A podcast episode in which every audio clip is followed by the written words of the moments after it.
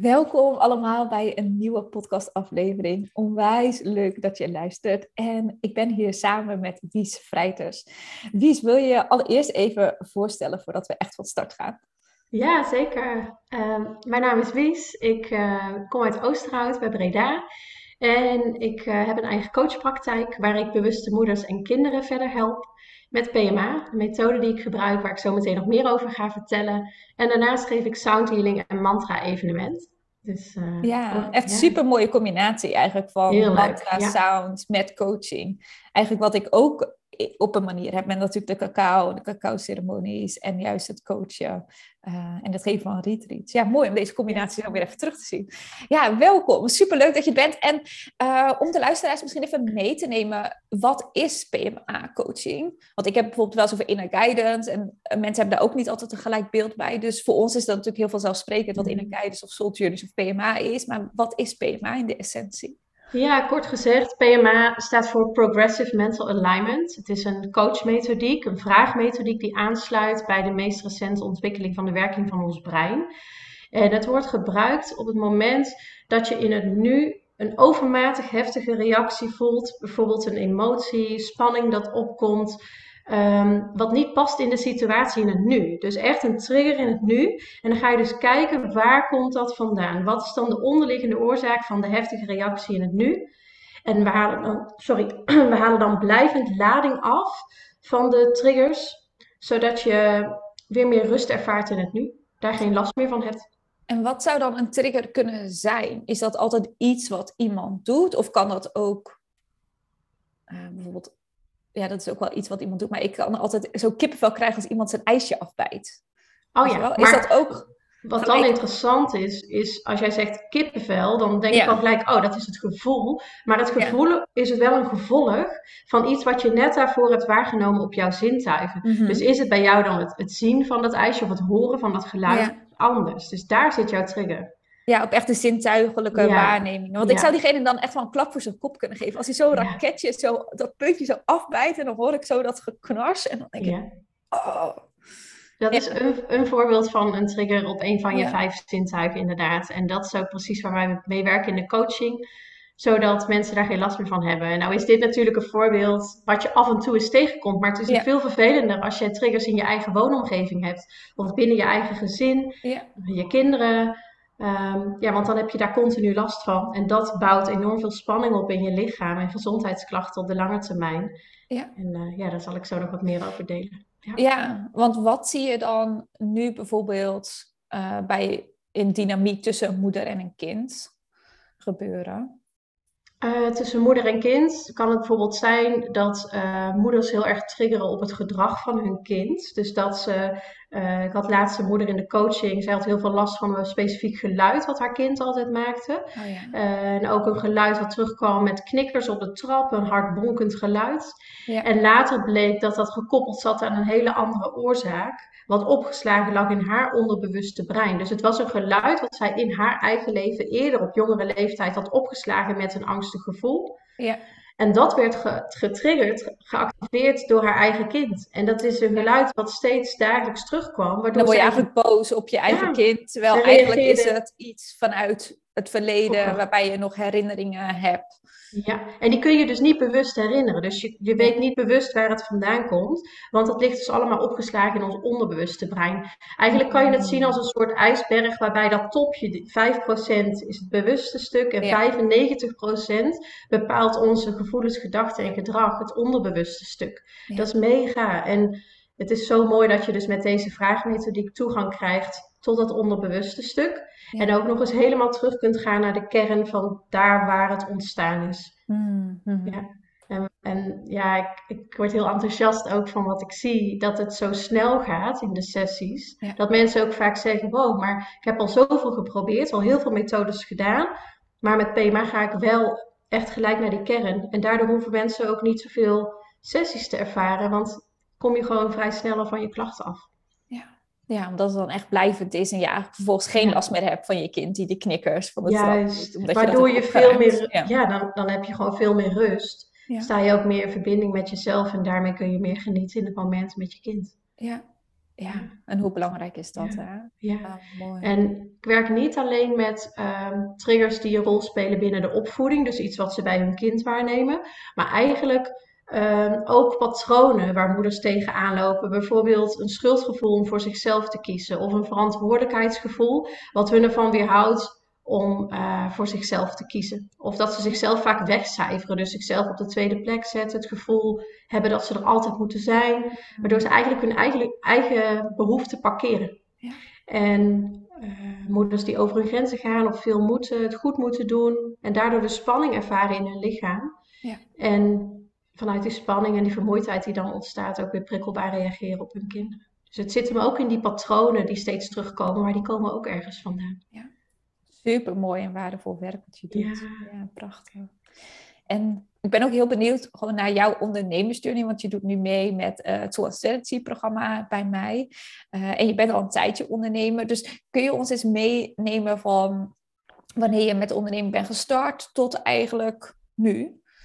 Ja, dan zou ik eigenlijk eerst nog willen beginnen met wat mijn achtergrond is en dan hoe ik bij het ondernemerschap ben gekomen. Ja, mooi. Ja, ja, want dat mooi. is wel mooi om te vertellen. Want ik was absoluut helemaal, nou, niet van plan om te gaan nee, ondernemen. Ik ook niet, echt zo, nee. nooit. Nee, want ik heb de PABO gedaan, uh, leerkracht basisonderwijs. Ik heb ook voor de klas gestaan. Uh, ja. In groep 3 en 4, dus altijd al wel heel erg die affiniteit gevoeld naar jonge kinderen.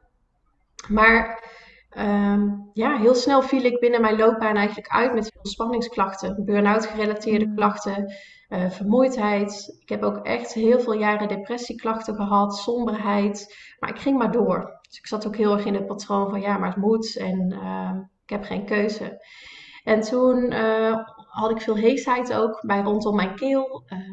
knobbeltjes op mijn stembanden zijn toen operatief verwijderd. Mijn tweede burn-out. Nou, dat ging zo echt de hele tijd op en af en maar door. Totdat ik uiteindelijk dus ook niet meer kon werken en afgekeurd werd als leerkracht voor de klas. Toen heb ik nog wat tijdelijke dingen geprobeerd en ook heel veel uh, methodes, psychologen, psychiateren, allerlei dingen gedaan om me beter te voelen. Dat was echt mijn focus. Maar ik viel steeds terug in bepaalde klachten. Dus het werkte tijdelijk en ik kreeg wel nieuwe inzichten, maar kwam niet tot die kern. En toen besloot ik in 2018, ik ben er helemaal klaar mee. Um, ik zeg mijn huis op en er was geen makkelijke keuze. Het zat heel veel, ja, toch wel angst elkaar gekoppeld om die keuze voor mezelf te maken. Maar ik ben zo blij dat ik het gedaan heb, want precies op het moment dat ik besloot om alles op te zeggen en um, voor een kinderthuis in Java te gaan werken, kwam ik een PMA-coach tegen. Inge Hummel. En zij zei, Wies, op basis van alle klachten die je nu beschrijft en waar je er nu tegenaan loopt, zou ik je echt willen adviseren om het thema aan de slag te gaan. En toen dacht ik nog, oh, weet je wel, ja, weer, weer iemand, een nieuwe methode. Weer iemand die zegt uh, dat het zal helpen. Want ik had Ja. echt al zoveel jaren zoveel gedaan. Ja. En uh, toen heb ik het nog een beetje geparkeerd. Ik denk, nou, dat komt wel. Ik ga eerst gewoon naar het buitenland. Dus toen in Java liep ik precies tegen hetzelfde aan. Overprikkeling en, en heel veel verkeersgeluiden. Uh, de moskee s'nachts, ik sliep slecht. Uh, de spanning liep eigenlijk alleen, alleen maar op. Ja. Nou, na zes maanden ben ik in Bali, naar Bali gegaan. Toen voelde het echt van, oh, ruimte voor mezelf. En als ik dan lekker onder die palmbomen zit, dan, uh, dan voel ik vast ook die rust in mezelf. Maar ook daar was het nog steeds dat ik tegen die vermoeidheid en die klachten aanliep. En toen ben ik dus gestart met PMA-coaching zelf, online, met een coach vanuit Nederland. En merkte ik al, hé, hey, ik kom nu echt bij antwoorden wat ik me helemaal niet meer kon herinneren, niet meer bewust van was. En dat gaf gelijk ook doorbraken in mijn eigen gezondheid. En toen ben ik nog wel tien maanden in Ubud gebleven, waar ik me helemaal heb ondergedompeld in sound healing en mantra's, ecstatic dance, waar ik echt mocht ervaren en ontdekken. Um, dat ook een echt een, ja, zo'n mooie tijd is geweest. En die combinatie, daar kwam ik mee thuis. Met van ja, ik ga verder met PMA. Allereerst voor mezelf, maar daarnaast ook om anderen ermee te gaan helpen. Dus ik voelde al het verlangen voor een coachpraktijk, maar ik was nog niet in staat om echt te starten. Ik wil, moest echt nog zelf dingen aan, aankijken en, en opruimen. Toen ben ik gelijk de opleiding ingegaan bij thuiskomst. En ik had toen ook geen huis, geen inkomsten, geen werk destijds. Dus het was een heel logisch gevolg om gewoon hup die opleiding in te gaan. te starten met de eerste evenementen ook in Nederland. En vanuit daar ook mijn coachpraktijk op te gaan bouwen. Ja. Dat, dus het, gaf is echt op je pad gekomen eigenlijk. En het heeft zo helend en werkend voor jou ja, geweest. Was helemaal... ja, dat je voelde, ik ga ook de opleiding doen. En... Alles in mij zei, hier zitten de antwoorden voor mij. En, en hier mag ik mee verder. Ik heb geen idee wat het me gaat brengen, maar ik ga er gewoon voor. Mm. Wauw. En toen ben je dus gestart als zelfstandige, als ondernemer. Ja, dat heeft nog even geduurd. Want ik vond het dus ook heel spannend om me in te schrijven bij de KVK. Echt die stap te zetten. Maar ehm, toen ik mijn eerste klanten kreeg. En ehm, toen heb ik eerst nog tijdelijk een, een bijbaan ernaast gehad binnen het onderwijs. Ik dacht, hé, hey, ik wil toch eens kijken of ik dat nu wel weer kan voor de klas. Dus ik heb ja. een buitenklas zeven maanden voor eerst drie dagen in de week gedraaid. Toen twee dagen. Dus ik heb het echt afgebouwd. Waardoor er meer ruimte ontstond voor mijn eigen coachpraktijk. Um, van drie dagen per week mm-hmm. toen. Mm-hmm. Inmiddels en wanneer was dat? hele week. Qua jaar? Zat je dan dat rond 2020? Uh, of? Nu precies twee jaar geleden stond ik nog voor de klas. Zat ik in die, in die fase die met... Switch, transitiefase, ja. Ja, klopt. En wanneer ben je volledig voor het ondernemerschap gegaan? Um, even denken. Dat is uh, anderhalf jaar geleden. Ja. Dus na die tijdelijke baan. Maar toen heb ik nog wel wat taken voor PMA Nederland erbij gepakt. Dus nog wat administratiewerk voor de organisatie. Dus was, dat voelde nog niet als helemaal uh, volledig je eigen coachpraktijk. Hè? Ja. ja, omdat je nog wat opdrachten daarnaast Nog wat opdrachten daarnaast, ja, Maar wel als freelancer in Zeker, ja. ja. En ook met hetzelfde onderwerp natuurlijk bezig. Dus, en ik zie eh, dat veel ondernemers dat doen hoor, in het begin. Dat ze toch iets ernaast hebben waarbij ze nog toch wat inkomsten ook krijgen en het ook leuk vinden om te doen en dan langzaam aan die switch maken. Ja. Voor mij heeft het wel gewerkt om langzaam af te bouwen, om daarin ook die veiligheid en, en, dat vertrouwen te voelen van nee, ik kan steeds meer zelf. Ja, ja. en nu heb je gewoon echt je eigen bedrijf fulltime. En hoe, hoe gaat dat? Hoe is dat? Ja, fantastisch om te doen. Ehm, ik ervaar echt, echt wel de vrijheid waar ik naar op zoek was. Ik werk dus online, waardoor ik ook locatie onafhankelijk kan werken als ik dat wil. Ja. Ehm, ik geniet enorm van de combinatie dat ik door de week de sessies heb, één op één met de moeders en met kinderen. En dat ik in de weekenden heel vaak uh, naar een evenement toe ga of een retreat toe ga, of als deelnemer, of dat ik zelf iets organiseer. Die mhm. combi vind ik echt heel, mhm. heel mooi. Ja, van en live en offline. Ja. Uh, ja, of, ik eh, zou online, niet... ja, ja. Maar de beide, de combinatie en met groepen en één op één werken. ja. En um, ja, ik, ik merk dat dat creatieve stuk van de muziek, de mantra's, mij ook weer helpt om weer inspiratie te vinden en mezelf te voeden om vanuit daar weer te kunnen geven aan anderen in de coachsessies. Mm En uh, waarom uh, heb je um, toen ja gezegd? Uh, ik weet het maandag niet meer, maar we zijn in januari begonnen, begin februari begonnen met Soul, Soul Wat was voor jou de ja daarin om mee te doen met zo'n programma met meerdere ondernemers, met iedere maandag samenkomen? Eigenlijk begon dat al in december. Jij had toen twee keer zo'n uh, Soul Journey, ik weet niet hoe die heette. Het was een losse sessie. Ja. En daarbij kreeg ik zo helder door dat ik, uh, dat ik volledig mag committen aan mijn eigen bedrijf. Dat, mm. dat ik dingen mocht loslaten die ik nog deed. En toen ben ik al begonnen met wat uh, Excel-bestandjes maken en overzicht creëren. En toen dacht ik, wow, dit geeft overzicht en rust. Mm. Wat als ik hiermee doorga, komende half jaar, en gewoon echt die commitment maak en mezelf en daarmee ook mijn bedrijf belangrijk vind mm. um, op één zet. En stel je voor dat ik dat een half jaar ga doen elke maandag met een groep samen, met, met een groep andere vrouwen. Ja, dat gaat me wel echt verder brengen. Dat gevoel, ja. dat had ik wel. Ja, zo van, ja, die eerste paar losse sessies gaven je al zoveel inzicht en verbinding met je missie, je purpose. Dat je, en, en de Excel-bestandjes. Dus die worden nou, ik, ja, dus ik begon, ik begon er echt al mee om het uit te werken. En ik voelde daarin ook heel erg al jouw support in het begin. En dat ik echt zoiets dacht van ja, maar dit gaat me gewoon echt verder helpen om hier mee door te gaan. Ja. ja. en uh, wat ik heel mooi vond bij jou, sowieso vind ik je moed heel mooi. Dat hoor ik nu net ook in je verhaal van hè, je moet om je huis uh, achter te laten, al je spullen. Ik weet zelfs je kat uh, in die tijd en mhm. gewoon naar Bali te gaan, naar het onbekende en naar Java.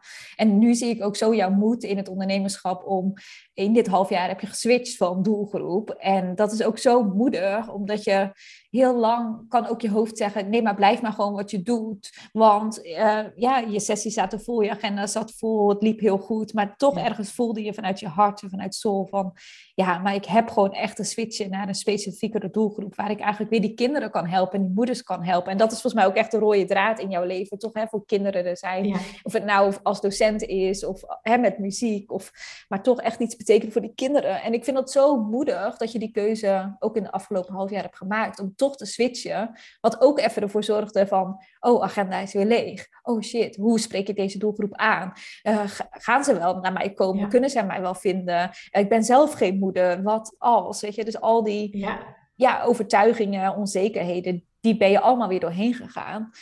Uh, wil je ons dus meenemen in dat proces van oh, ja, waarom je daar toch voor hebt gekozen? En hoe je, waar, je nu staat eigenlijk. Als ik heel eerlijk ben, Corona, dan was het eigenlijk al wel drie jaar geleden, toen ik nog in Indonesië zat, hmm. dat ik al voelde dat ik moeders en kinderen mocht gaan helpen en verbinden. Ik heb zelfs een bordje getekend met een logo daar nog, geschilderd op een prachtig eiland waar ik zat.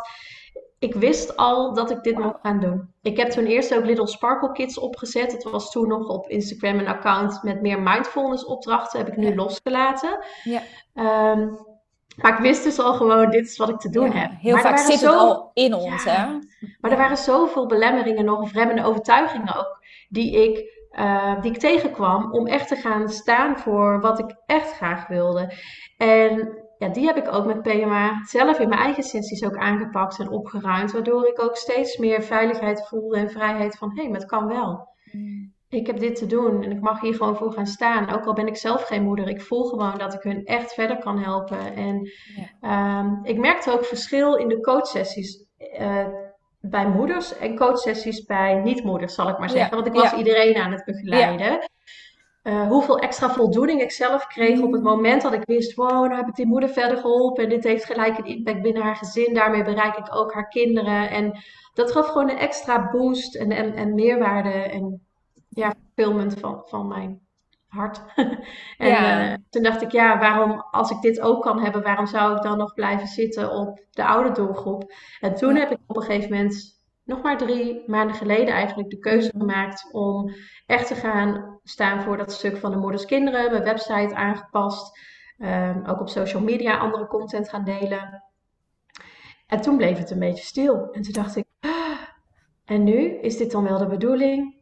Maar diep van binnen voelde ik, ja, dit is echt de bedoeling. Dus blijf vertrouwen. En ik voelde ook heel erg jouw support daarin. En uh, ja, nu is het zo anders, omdat de afgelopen drie weken er echt zes vrouwen zijn ingestapt in het programma. En het weer volop stroomt. Ik ga binnenkort ook uh, met iemand sparren over een wandelretreat voor moeders en kinderen. Dus ik voel in één keer, yes, ja, ja, dus hoe snel eigenlijk ook weer die switch kan gaan. En dat je een tijdje dus zo'n lege agenda hebt, dat je denkt, van, komen ze wel? En dan zit je echt in die, ik noem de ondernemers altijd een journey, weet je wel. Soms heb je van die daden dat je denkt, oh mijn god, komt dit wel goed? En ja, ga ik wel mijn omzet überhaupt deze maand halen? Of hè, verdien ik wel genoeg om überhaupt mijn huur of mijn hypotheek te betalen? En dan een maand daarna zit je ineens weer helemaal vol, omdat je zes aanmeldingen hebt die in één of twee weken binnenkomen. Weet je wel? Dus het, ja, je hebt zo vertrouwen in jezelf ook nodig. En dat heb jij ook zo onwijs, al vertrouwen in leven, vertrouwen in jezelf moet. Ik echt zo, zo knap, zo knap. En zie nu hè, dat je binnen een korte tijd eigenlijk geswitcht bent naar echt je ideale doelgroep. Waar je zelf nog meer energie van krijgt van de sessies. Zodat ook ja, jouw bedrijf en jouw sessies jouw energie geven. Hè, in plaats van dat alleen maar dat we alleen maar aan het geven zijn en geven zijn aan klanten en aan je bedrijf. Is mijn missie eigenlijk zo van, hey, het bedrijf mag ook voor jou zorgen. En de sessies mogen jouw energie geven. Dus dat het een cirkel is van geven en ontvangen. Ja. ja. Dus heel mooi dat je daar doorheen bent nu. En uh, ja. dat je er met de moeders en kinderen aan de slag bent. Heel mooi. En uh, ik, ik heb nog zo'n mooie herinnering uh, die ik heel graag met de luisteraars wil delen. Omdat het ook zo uh, krachtig iets is. Want we kunnen heel veel dingen met ons hoofd bedenken.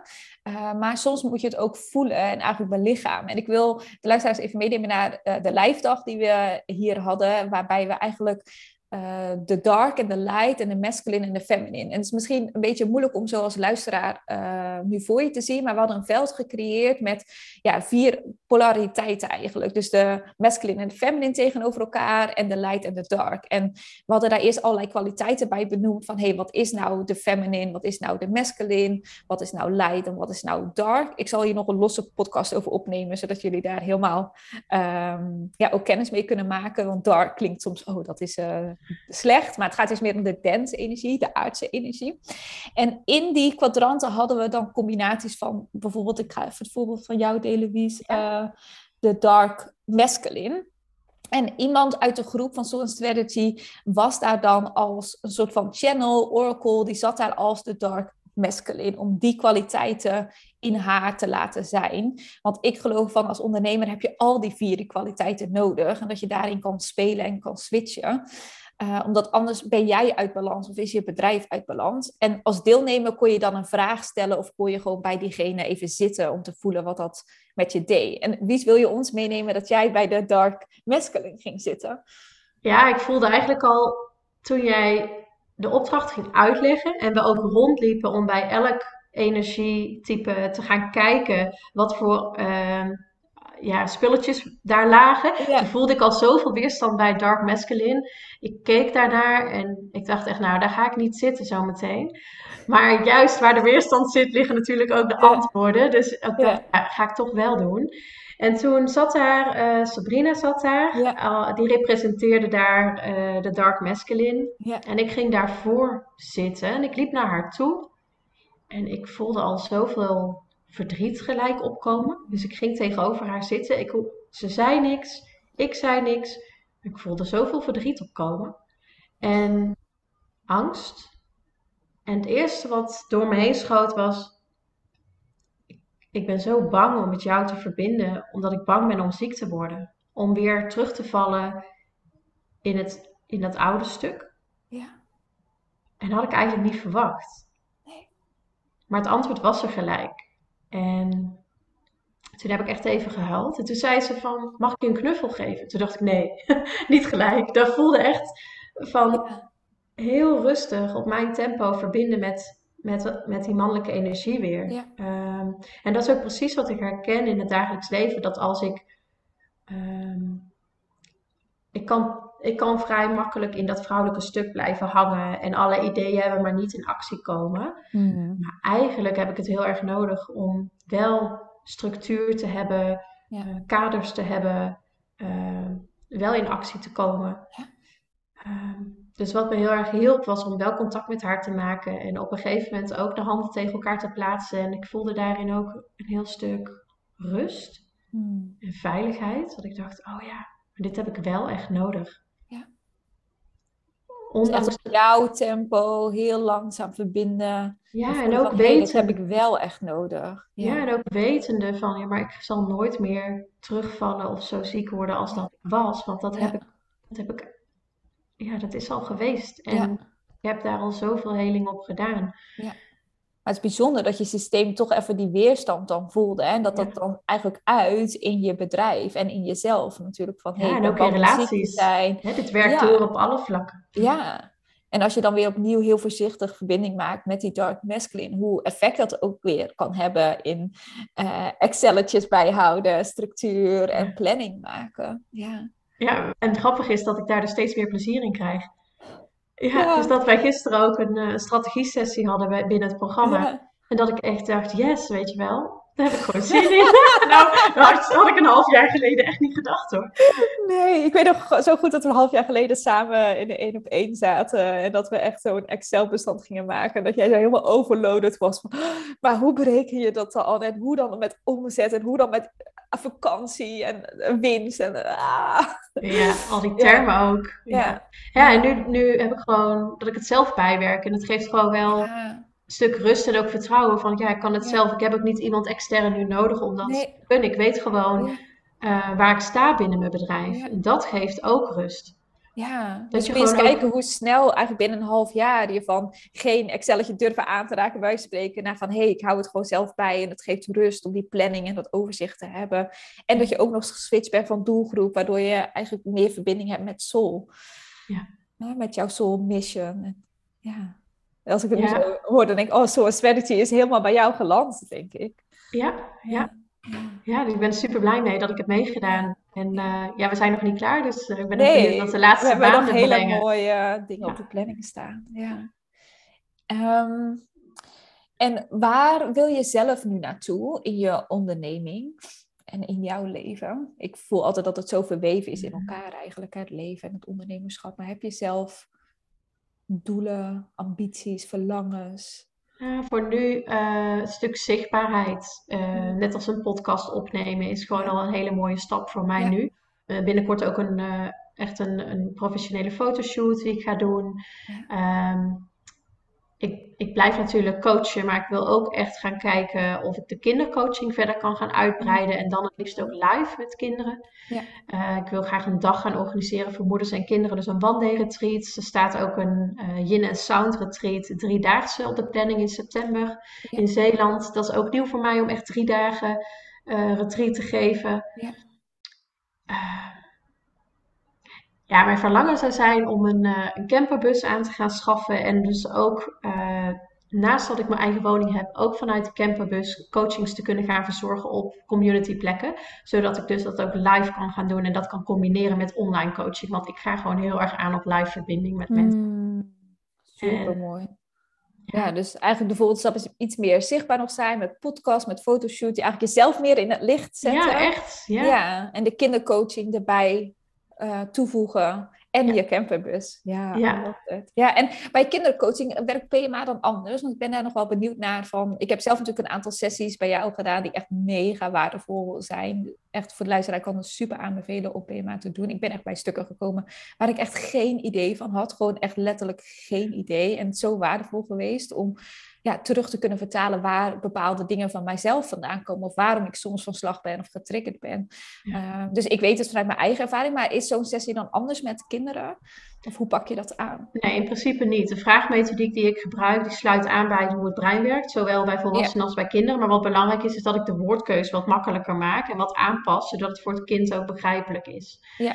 Um, ik heb vorig jaar ook een lessenserie ontwikkeld voor het basisonderwijs, waarbij ik binnen zes lessen in groep 7 ook heb verteld hoe het brein werkt en hoe dat onze gevoelens, gedachten en gedrag aanstuurt. Ja. En je merkte gewoon dat het ook voor kinderen zo makkelijk te begrijpen was. Hmm. Het klopt gewoon. Het is hoe zij het al ervaren. Het is, niet, het is eigenlijk niet iets nieuws wat ik, wat ik vertel in hoe het werkt. Want je weet al dat het zo werkt omdat je het ervaart. Dat je een dat je iets op je zintuigen waarneemt, dat je vervolgens een vervelend gevoel ervaart, dat dat je gedachten bepaalt en dat dat weer je gedrag bepaalt in de situatie. Dus voor kinderen is het super logisch als je dit gewoon vertelt, dat ze denken, ja natuurlijk. En ja, nu kom ik bij een herinnering dat ik net iets jonger was en dat ik dat ook niet fijn vond of niet leuk vond. En, en op het moment dat ze die koppeling kunnen maken, net als bij ons, maar ook bij kinderen, dat je dus begrijpt, oh, maar het gevoel wat ik dus in het nu had, had niks met jou te maken. Ja. Maar dat kwam door die eerdere uh, eerdere ervaring die ik had met soortgelijke zintuigelijke waarnemingen. Bijvoorbeeld ook een manier waarop iemand gekeken heeft naar mij of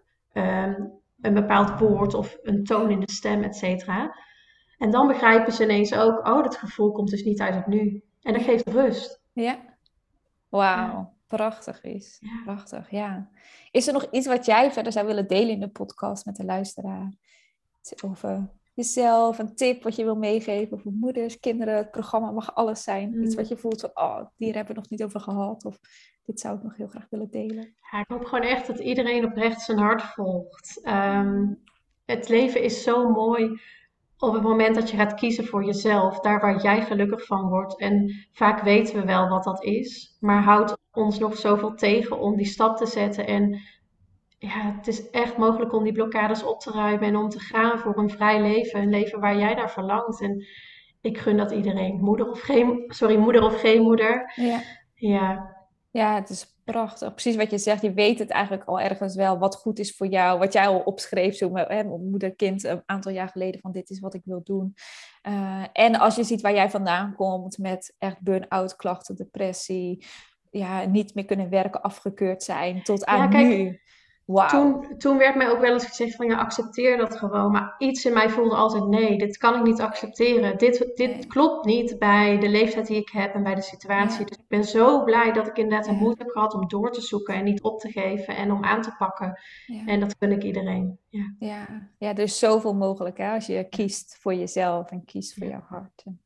Ja, je bent echt een prachtig voorbeeld daarin. Dankjewel, Wies, dat uh, we deze podcast samen konden opnemen. Super bedankt. Ja, luisteraars dus ook bedankt voor het luisteren. Ik wens jullie een super mooie dag. En we zetten de Instagram eh, profiel en de website van Wies ook in de show notes. Dus dan kan je haar op die manier vinden. Dankjewel. Dankjewel allemaal.